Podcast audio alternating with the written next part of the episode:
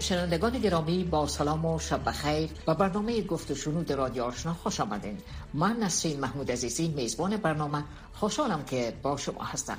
زلمه خلیزات نماینده ویژه ایالات متحده برای روند مصالحه افغانستان روز سه شنبه 27 ماه اپریل مطابق هفت ماه سور در یک جلسه استماعی کمیته رابط خارجی مجلس سنای امریکا گفت که بعد از خروج نظامیان خارجی افغانها دو گزینه در پیش دارند رسیدن به یک توافق سال و یا جنگ طولانی. آیا بعد از خروج قوای خارجی افغانستان به انزواخات رفت؟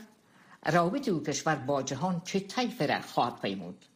و مسئولیت رهبران افغان در برابر نسل کنونی و نسل آینده افغانستان چیست؟ در برنامه امشب روی همین موضوعات صحبت میشه محترم پروفسور محمد نظیف شهرانی جامعه شناس و تحلیلگر امور سیاسی از پوهنتون ایندیانا مهمان برنامه هستند. جناب آقای شهرانی سلام بر شما. سپاسگزار هستیم که دعوت ما را پذیرفتین. به نام خداوندی جان و خرد تشکر خانم عزیزی خدمت به سلامت باشین. آقای شهرانی اگر قرار باشه که پیشرفت مذاکرات سال افغانستان از زمان ریاست جمهوری آقای دانالد ترامپ تا امروز بررسی شود با خروج نیروهای خارجی از کشور مردم و رهبران افغانستان برای ثبات و پیشرفت کشور چه گزینه هایی در اختیار خواهد داشتند گزینه ها از اول تا هنوز معلوم است یا کسایی که رهبریت جامعه افغانستان و دوست دارن یک راه حل معقولی را برای حکومتداری بهتر در جامعه پیش روی می‌گیرن و تمام این گروه های ناراض یا دهشت افغان یا زیر تسلط خود میرن یا اونا را به یک شکلی شامل قدرت می‌سازن تا راه حل برای برآمدن قوای بیرونی از افغانستان مهیا شود. و مردم و حکومت بتانند دوباره به یک حیاتی سالم و آسان رو بیارن.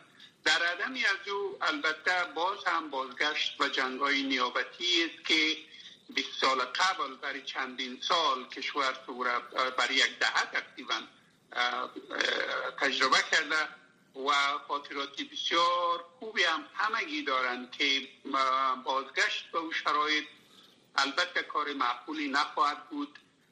برای مردم افغانستان و امیدواری هم همی هست که هنوز هم یا خود افغان ها بتانن یک راه حل را پیش رو بکنن یا که جامعه بین قبل از بیرون رفت از افغانستان یعنی چهار ماه بعد در 11 سپتامبر یا قبل از 11 سپتامبر این سال کوشش بکنن که افغان ها را کله و کله بکنن به اطلاع کتاب یک راه معقولی را قبول بکنن که در او بهبودی وضع در افغانستان ممکن باشد. طوری که نماینده ویژه ایالات متحده آقای خلیزاد از دو گزینه توافق صلح و یا جنگ طولانی در افغانستان ذکر کردن از لحاظ جامعه شناسی کدام یکی از دو گزینه برای مصلحت و مفاد افغانستان بخصوص مردم او کشور ارجحیت خواهد داشت؟ ببینید البته و آرامش گزینه بهتر است برای هر جامعه خصوصا برای جامعه ما که بیش از 43 سال است که در جنگ است و ما باید این جنگ را ختم بتیم و این بار یک بار دیگر هست که البته یک روزنه امیدی باز شده. با وجودی که البته شرایط بسیار خطرناک به نظر می اما یگان وقت شرایط خطرناک باید جامعه را متوجه بسازه خصوصا رهبرای جامعه را متوجه بسازه که باید انتخابی سالم و انتخابی خوبی بکنن از سیاسی تا نگذارن که این بحران کشور بیشتر شود و جنگای فرسایشی به حد و حد در کشور دوباره شروع شود. نه که ما از خالی, از جنگ بودیم نه. جنگ هر روز دوام داره. مردم هر روز متاسفانه به شهادت می‌رسن وضع در وضع امنی امنیتی در افغانستان هر روز بدتر شده میره اما اینا چیزایی که باید متوجه بسازه. مردم ما متوجه هستند. مردم از جنگ نفرت دارن مردم از شرایط و اوضاع به سطوح آمدن و آمادگی دارن برای برای یک وضعیتی متفاوت و متغیر در جامعه اما ای که آیا دلالای سیاسی در افغانستان حاضر هستند که به مردم گوش بدن و شرایط قسمی که دیده میشه بررسی بکنن و نگذارن که مملکت به طرف جنگای نیابتی متداوم دیگری برگرده دیگه از اون انتخاب ما فکر می‌کنم از دیاد یک جامعه شناسی یعنی از دیاد که مردم چه می‌خواهند واضح. مردم هر روز در کوچه و بازار صدا می‌زنند که بس جنگ بس نمی‌خوان جنگ بکنن. نمی‌خوان و, و شکایت از حکومت هم دارن و نفرت از طالبا هم دارن. برای اون که اونا هستن که همیشه اصرار به جنگ کردن و اتون معلوم میشه که اونا فکر می‌کنن که می‌تونن میدان از طریق جنگ ببرن و می‌تونن خدا دوباره به جامعه افغانستان بقبولانن اما من فکر نکنم این بار این تحلیلشان تحلیلی درست و بجا بوده باشه و حتی کسایی که جلوی اونا در دستشان هست یعنی پاکستانی ها هم متوجه شدن که بعد دی طالبه و با خشونتی که اینها به تجربه به مردم افغانستان دادن هیچ کس نمی‌خواه و حتی پاکستانیا و جامعه بینالمللی هم گفته میرن که ما حاضر نیستیم یک حکومتی طالبی را در افغانستان با خشونتی که در برابر مردم در گذشته نشان دادن قبول بکنیم. و اینا میگن هیچ وقت جامعه بینالمللی نمی‌تونه طالب و امارت طالبی که قبلا اینا داشتن و هنوز هم با او تا حد زیادی اصرار می‌کنم هیچ قابل قبول برای منطقه نیست در یک اجماعی منطقوی به میان آمده و همچنان یک اجماعی بینالمللی به میان آمده که طالبا را در, در قدرت با پالیسی های خشن در مقابل مردم افغانستان بالخصوص خانما بالخصوص اقوامی غیر پشتون و بالخصوص گروه های کوچکی دیگه که در, در کشور وجود داره و اینا بدون که طالبا در قدرت شامل شوند و شرایطی دموکراسی را قبول بکنند که یعنی خواست مردم باید در صدر محراق همه آرزوهای کشور وجود داشته باشه. در غیر از او اونا غیر قابل قبول نیستن و این یک پیغام خوبی است که اونا باید برایشان تاکید شود که شما و زور دوباره خود بالای مردم قبولاندن نمی‌تونین و هیچ امکان نداره. و مردم هم قسمی که معلوم میشه در ولایت مختلف حاضر هستند که دوباره از خود دفاع بکنن و از حقوق خود و از وجایبی که برشان در این سال کم و بیش دست آمده اونها را از دست ندن. و خصوصا جوانا و خانم ها در, در کشور کاملا خود را حاضر ساختن که با یک گروهی که غیر از جنگ غیر از بربادی غیر از بدبختی در کشور چیز دیگه نیاورده اونا را اجازه ندن که اداره امور کشور را به دست بگیرن. اما در این حال نه تنها این نفرتشون در برابر طالبا هست متاسفانه این نفرت در برابر حکومت هم وجود داره و بسیاری کچه دیگری که در قدرت سیاسی خود مطرح ساختن و از او استفاده کردن با اونا هم مردم خوش نیستن. ما در یک حالتی بسیار بحرانی عجیب قرار داریم. رای حل برای پیدا شد آقای شهرانی رئیس جمهور افغانستان آقای محمد اشرف امروز به مناسبت 29 سال روز پیروزی مجاهدین در برابر نیروهای اتحاد جماهیر شوروی سابق از طالبان خواست که بجای جنگ خشونت و ویرانی به اراده مردم متوسل شوند. آیا این موضوع می‌تونه ربط به زمان خروج نیروهای شوروی از افغانستان داشته باشه؟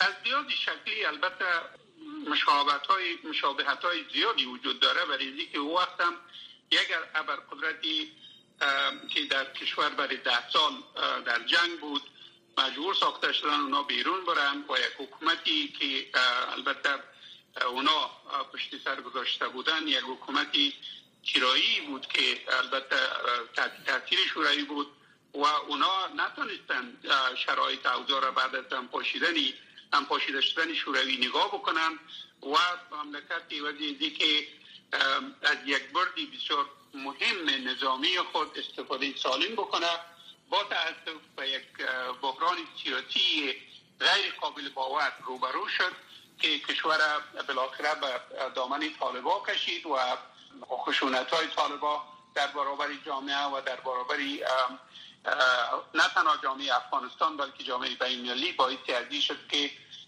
یک قدرت دیگری بیاید و در 20 سال گذشته اینا مصروف جنگ با دهشت افغانی بودند.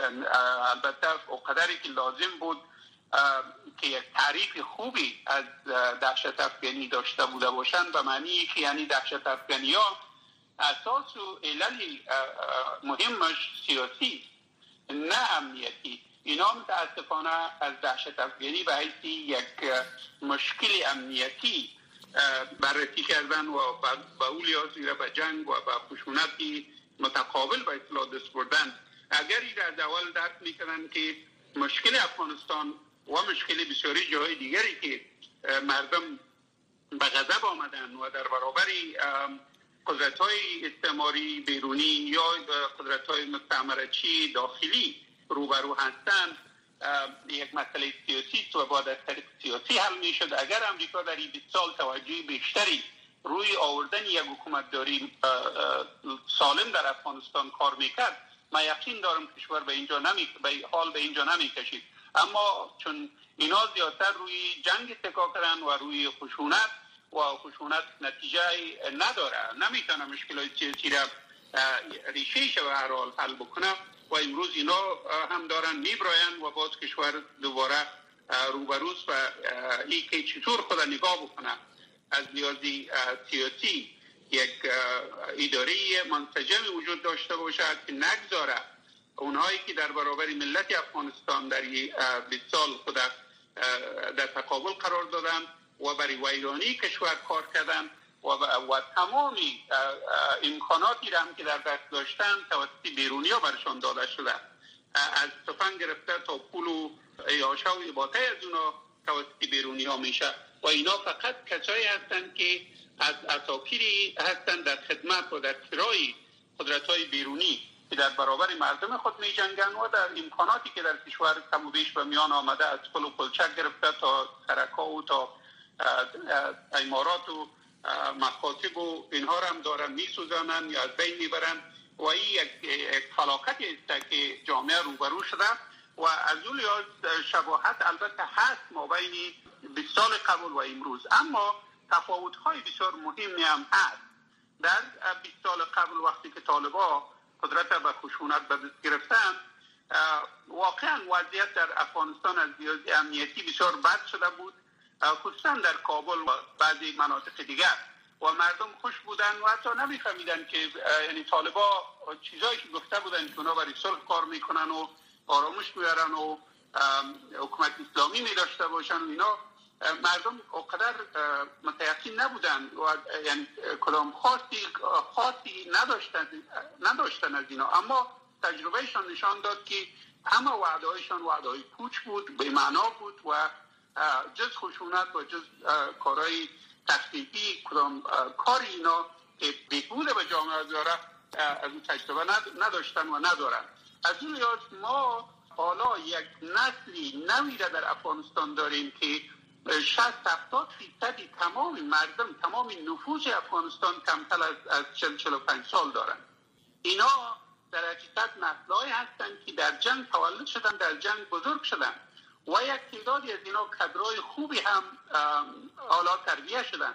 اینا درس خواندن چی در داخل چی در خارج و آماده ای از هستند که آینده کشور به دست خودشان بگیرن. اما در این حال متاسفانه یک سیستمی سیاسی و ایداری بسیار ناقص که در این سال امریکایی ها اونا را قدرتمند ساختن و اونا را به میان آوردن و اونا در قدرت هستند و اونا کارهایی کردن که به جز منافع خودشان و انحصار قدرت و بیرون راندن افراد دیگر یعنی همه شمول نبودن حکومت داری و اجازه ندادن به که قدرت غیر متمرکز شود و مردم بتانند در محلات خودشان ادارات خود به دست خود بگیرند و اصرار کردن که به یک حکومت متمرکز قوی که دستی صد نفر زیادتر ممکن نباشه یا فامیلایی که یعنی از این قدرت استفاده کردن.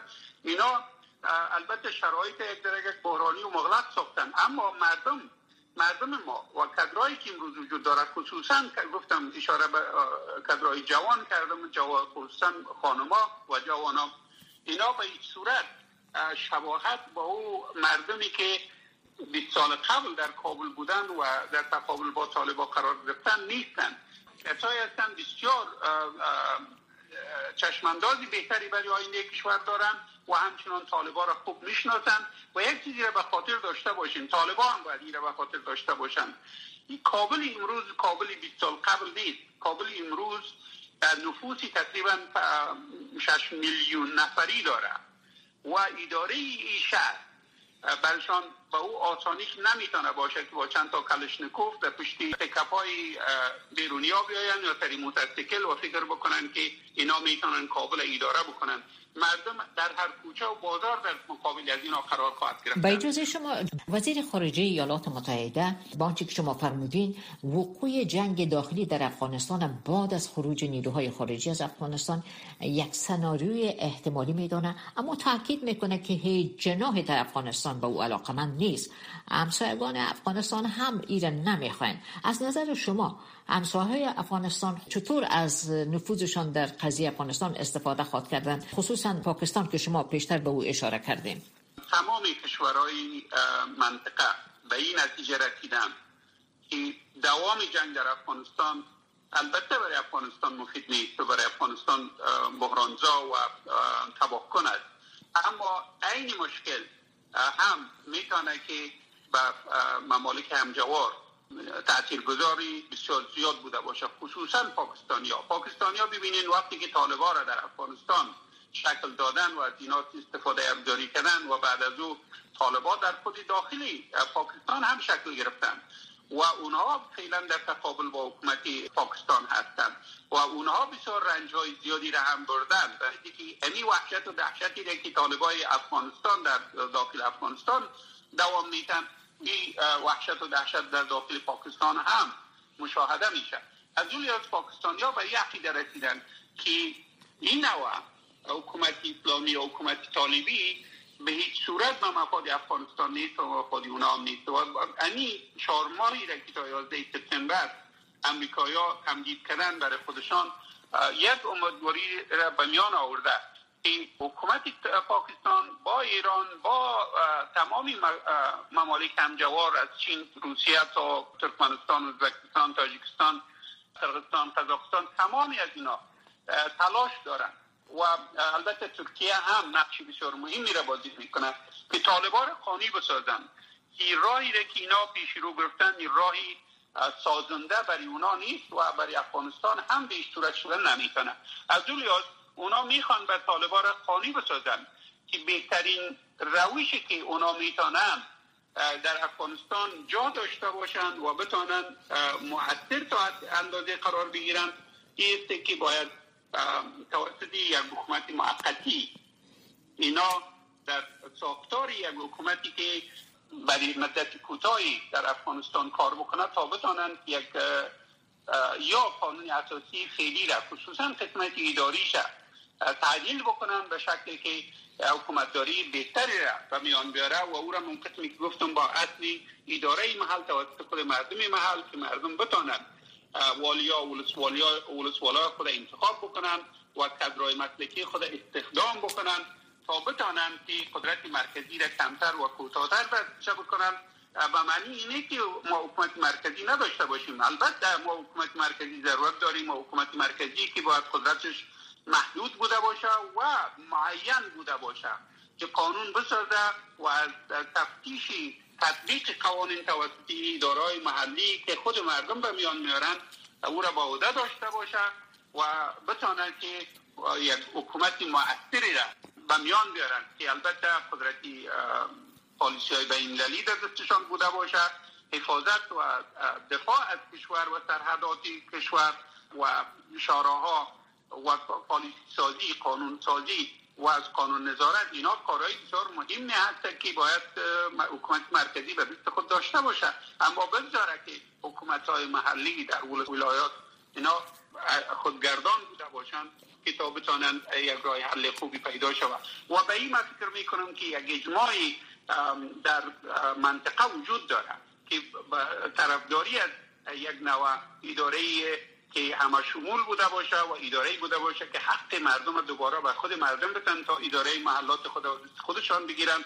توسط یک حکومت مرکزی که کارا بوده باشه. چون ما کادرای بسیار خوبی فعلا داریم. بیرون از صد صد نفری که خود دلالای قومی سیاسی ساختن امروز و مملکت به بحران کشید. کانال نو زمان نو. برنامه ها و چهره های مورد پسند شما در تلویزیون آشنا صدای امریکا اکنون از دریچه تازه مهمان خانه های شما می شوند.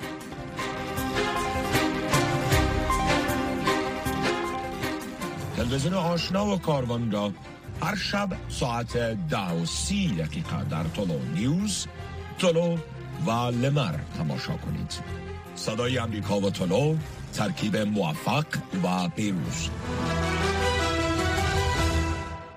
اجازه بفرمایید آقای شهرانی که یک پیام نشر بکنیم و بعد به صحبت خود ادامه بدیم. تشکر.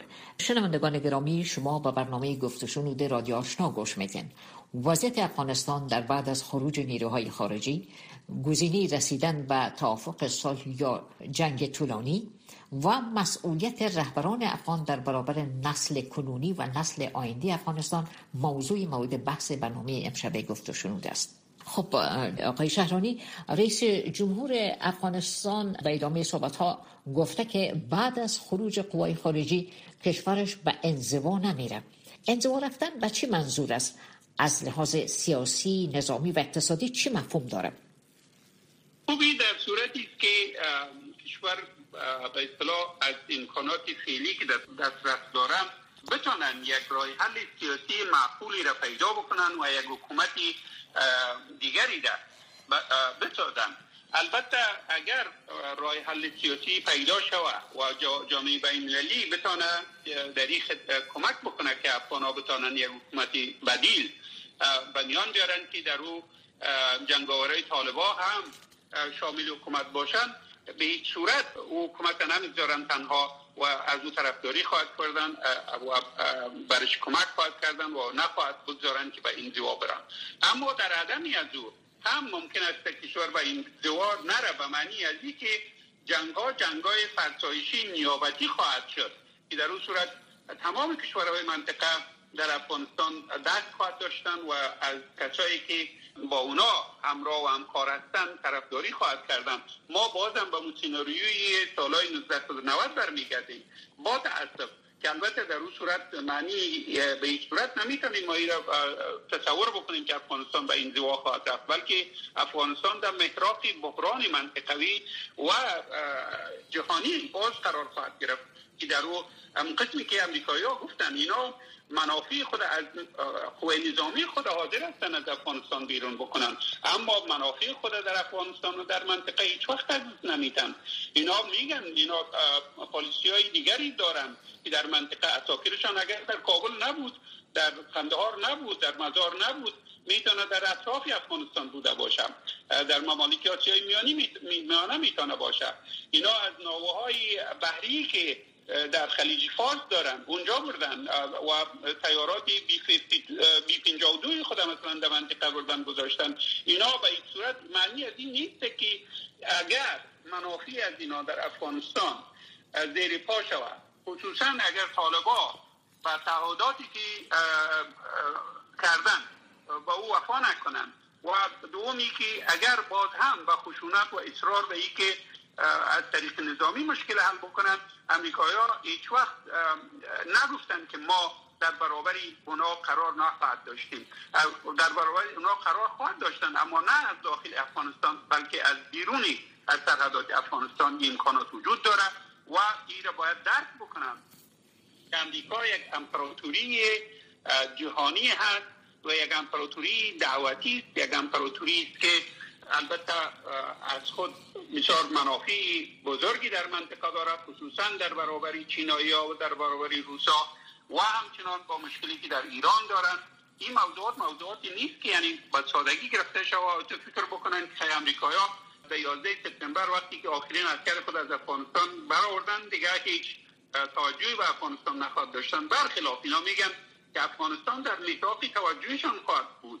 چی در جنگ و چی در بیرون از جنگ. و این بهتر خواهد بود که افغانستان محراق توجهی منطقه و جهان قرار بگیره در حالت صلح و در حالت داشتن یک حکومتی بدیل بهتر.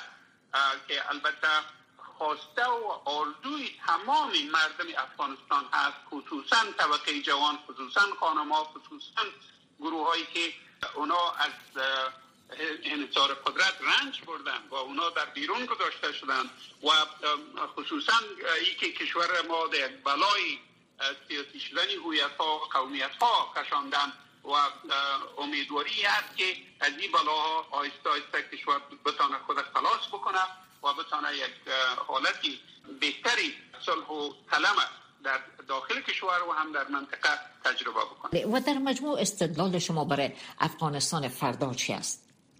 من میگم که مردم ما بر ما او کسی و قتله که بسیار مهم است و می‌تونه آینده افغانستان تعیین بکنه مردم ماست. مردم ما امروز نفرت از جنگ دارن نفرت از طالب دارن نفرت از حکومتداری که در این 20 سال گذشته این بزرگوارای سیاسی و میان آوردن. و با کشور و بحران کشیدن از این نفرت دارن. اونا می‌خوان که یک حکومت بدیلی در افغانستان که واقعا نمایندگی از اهداف سالم اسلامی افغانستان و از ارزشهای دفاع از ارزشهای واقعی اسلامی افغانستان بکنه و میان بیاید. و امیدواری ما همین هست که در این چهار ماهی که وجود داره جامعه بین المللی خصوصا ممالک همجوار ما در صددی بوده باشند که بتانند از قدرت های نهفته جامعه افغانستان خصوصا جامعه جوان و خانم ها اینا بتانند تشکلات سیاسی را به میان بیارن. نماینده واقعی مردم افغانستان بوده باشند و اونا بتانند در حکومتداری سه بگیرن. اجازه دادن به مردم که اداره محلات به خود مردم محل بسپارن. تا اونا بتانن آینده خود تصمیم بگیرن که ولسوالشان کی بوده باشه و حال در فاریاب. شما ببینید همین موضوع فاریابه. یعنی آقای شهرانی معذرت می‌خوایم. وقت برنامه به پایان رسیده. به صحبت خود در اینجا بسنده میشیم. بازم تشکر از وقت شما. تشکر از شما خانم عزیزی بسیار خوش شدیم که بازم با شما صحبتی داشتیم. سلامت باشین. شنوندگان گرامی آنچه که شنیدین نظرات مهمان برنامه بود. انعکاس دهنده آمال و مفکوره های صدای امریکا نمی باشه سپاس از اینکه تا این لحظه ما همراه بودیم شب شما بخیر. خداوند یار و مددگار شما.